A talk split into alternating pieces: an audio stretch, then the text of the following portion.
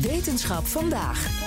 In Nederland werken we heel graag met zand. Ja, we moeten wel, want we liggen natuurlijk nogal laag als land. We baggeren dus, we spuiten stranden op.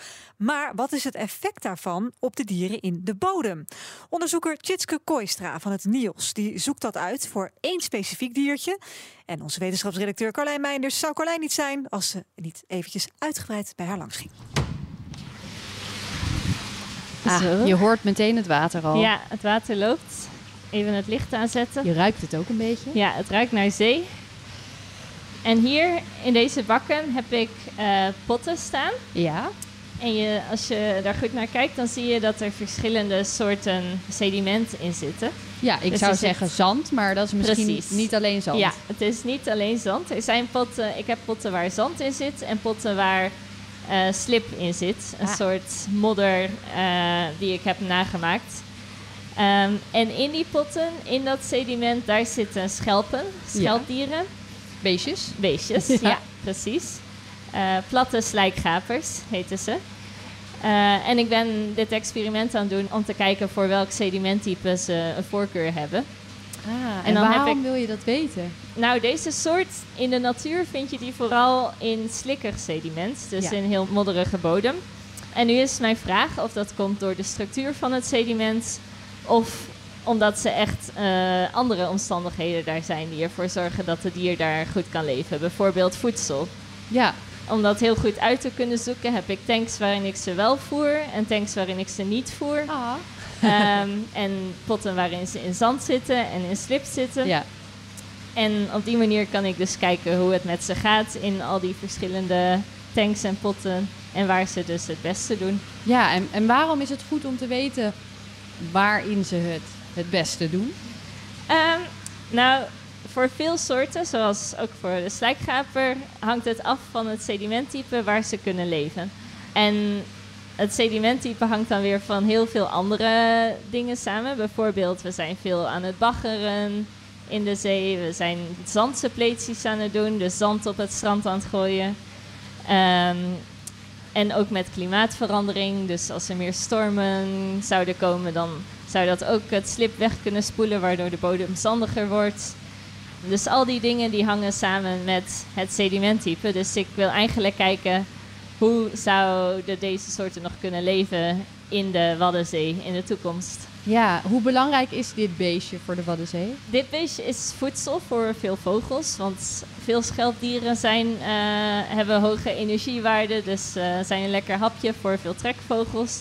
In Nederland wordt het dier niet bevist, maar in andere landen wordt het ook bevist en gegeten.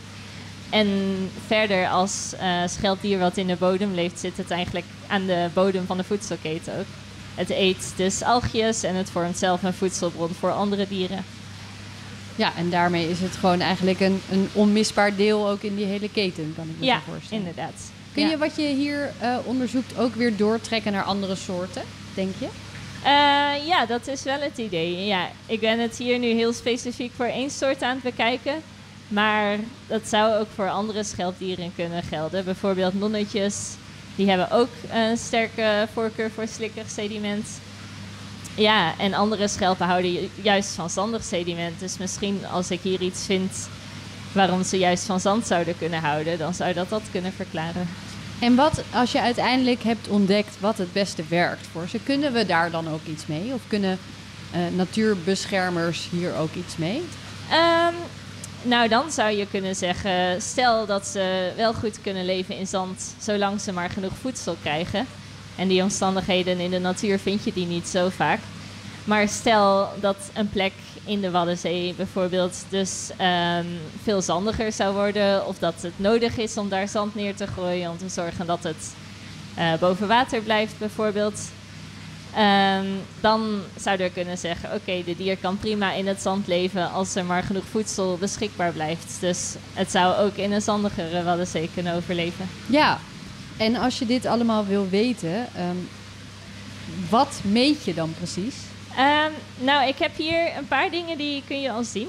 Ehm, dus om te weten hoe het met ze gaat, is het belangrijk om te weten eh, ja, wat ze doen, dus wat hun gedrag is. En daarvoor hebben we die draadjes die je uit het zand ziet steken. Ja. Dat zijn twee draadjes in elke pot. Die zitten vast aan de twee kleppen van de schelp. Ah, dus oké. eh, die hebben we zo vastgelijmd met tandartsenlijm, dat ze heel goed vastzitten. Ehm, en op die manier, en er zit een soort magnetisch spoeltje in dat meet hoe ver de kleppen uit elkaar staan. Oh, wauw, oké. Ehm, dus op die manier kunnen we weten hoe ver of ze hun schelp open hebben staan of dicht hebben. En als ze hem open hebben, dan, dan kunnen ze bijvoorbeeld aan het eten zijn. En als ze hem dicht doen, dan zijn ze even aan het rusten. Dus uiteindelijk kan ik over de hele tijd kijken van hoeveel zijn ze open en dicht geweest. Hebben ze veel of weinig bewogen? En ik neem aan, veel, veel bewegen is meestal een goed teken.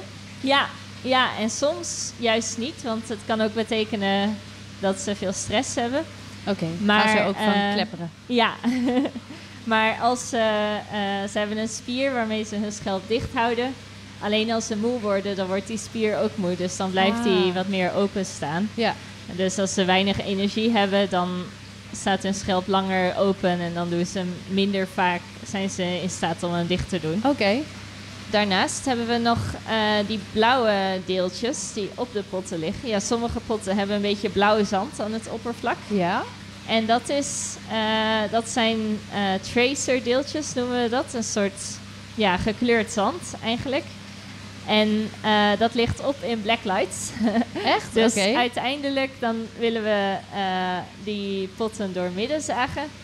En kijken hoe ver die deeltjes verspreid zijn door de pot. Want we hebben ze Ah. aan het begin hebben we ze alleen aan het oppervlakte gelegd. En het dier zelf, dat graaft dat rond in het zand. En dat pompt water en zand en sediment naar boven en naar onder. En daarmee ook die deeltjes. Ja, Dus hoe actiever de bioturbatie is, heet dat. Het graven van het dier, hoe meer de deeltjes verspreid zijn. is er nog een leuk eh, weetje over dit eh, dier? Oh, de slijkgaper. Ja, dat je Eh, kunt delen met iedereen? Ja, nou kijk, als je naar die potten kijkt. Ja, op sommige daar kun je een soort van eh, sterretje zien aan het oppervlak. Ja, Dus, eh, en een soort sneeuwengel, zeg maar. ja, een soort sneeuwengel, inderdaad. Ja, en alle schelpdieren die hebben een, een sifon, heet dat, of twee sifonen. Dat is een soort lange slurf, een soort lange buis die uit de schelp naar boven komt en naar het oppervlakte gaat. En daarmee eh, pompt hij water naar binnen en dat filtert hij dan en zo eet hij. En eh, dit dier kan zowel uit het water eten, zoals in een van die potten daar, daar zie je zo'n slurfje omhoog steken. Ja, Die is, eh, die is aan het eten uit het water, Wat water aan het filteren. Maar wat ze ook kunnen doen, is die sifon gebruiken als een soort stofzuiger om over het oppervlakte van de bodem de algjes op te zuigen. ah, en dan Dus- laten ze zo'n figuurtje ja, en dan achter. maken ze zo'n sterretje. Ja, dus als je ooit op het wat bent, dan zie je soms van die sterretjes op de bodem en dan weet je dat daar zo'n schelp onder zit. Ik vind het heel grappig dat je dat slurfje naar zo heen Ja. en weer ziet gaan. Ja, hè? en ze zijn best wel lang.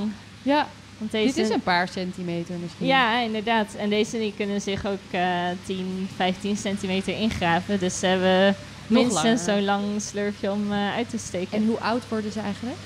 Ehm, ongeveer maximaal 10 jaar misschien. Vind ik nog best Ja. lang.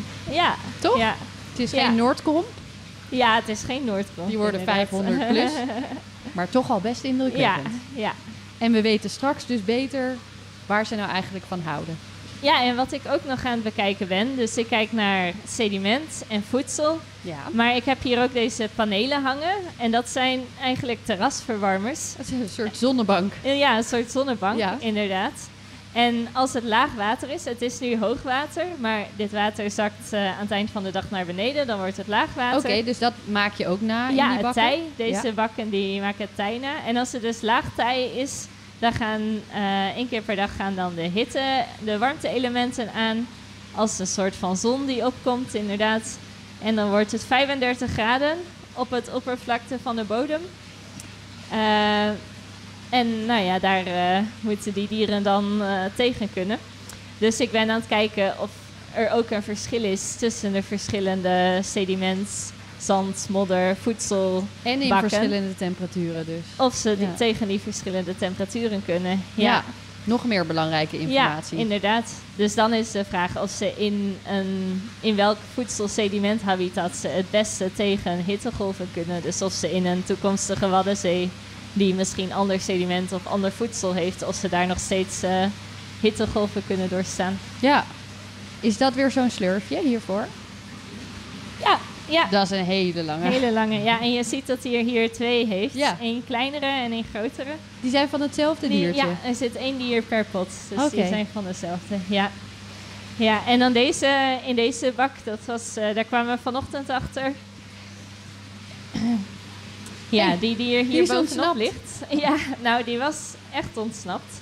Eh sommige die, eh, ja, de meeste hebben zich direct ingegraven na een dag. Er is hier eentje die heeft zich nog nooit ingegraven. Die ligt daar al de hele tijd eh, maar die leeft wel gewoon nog. Ja, dus. hij leeft nog wel. Ja. ja. Maar deze kwamen we er vanochtend achter dat hij naast de pot lag. Oh, Dus die was ontsnapt inderdaad. Ik weet niet Ah. hoe. Maar we hebben onze foto's, want we maken elke ochtend en elke avond een foto. Die hebben we nagekeken. En toen konden we het moment zien van, oh, hier zat hij er nog. En de volgende dag zat hij er niet meer. en een beetje een eh, pijnlijke vraag misschien, maar gaan ze weer terug de zee in als je klaar met ze bent? Nee, helaas niet. Nee, want ik wil ook weten hoeveel ze gegroeid zijn. Ja, en wat hun conditie is. Dus dat is hoeveel vlees ze per schelp hebben. Dus of ze dik zijn of mager zijn. Eh, dus nee, daarvoor heb ik het hele dier nodig. Dus Ja, dat snap ik. Maar dan, Ja. dan offer je deze dus op ja, voor hun soortgenoten voor hun soortgenoten in, het wild. Ja. Als je wat verder vooruit kijkt, wat zijn dan de grote vragen die je nog hoopt te beantwoorden? Nou, ik hoop eh, meer te kunnen zeggen over waarom bepaalde dieren een voorkeur voor een bepaalde bodem hebben. Of we in Nederland met eh, onze zandse pleetsies en andere werkzaamheden die we aan de kust doen, of we daarmee een invloed hebben op het ecosysteem, op het leven in de zee of niet. En of we op deze manier dus verder kunnen gaan of dat we over andere manieren na moeten denken. En, eh, dat eh, was in een gesprek met Carlijn Meinders en onderzoeker Tjitske Kooistra van het NIOS. Ook Thomas van Zeil vind je in de BNR-app. Je kunt live naar mij luisteren in Zaken doen, de BNR-app met breaking news, het laatste zakelijke nieuws en je vindt er alle BNR-podcasts, bijvoorbeeld Het Nieuwe Geld. Download nu de gratis BNR-app en blijf scherp.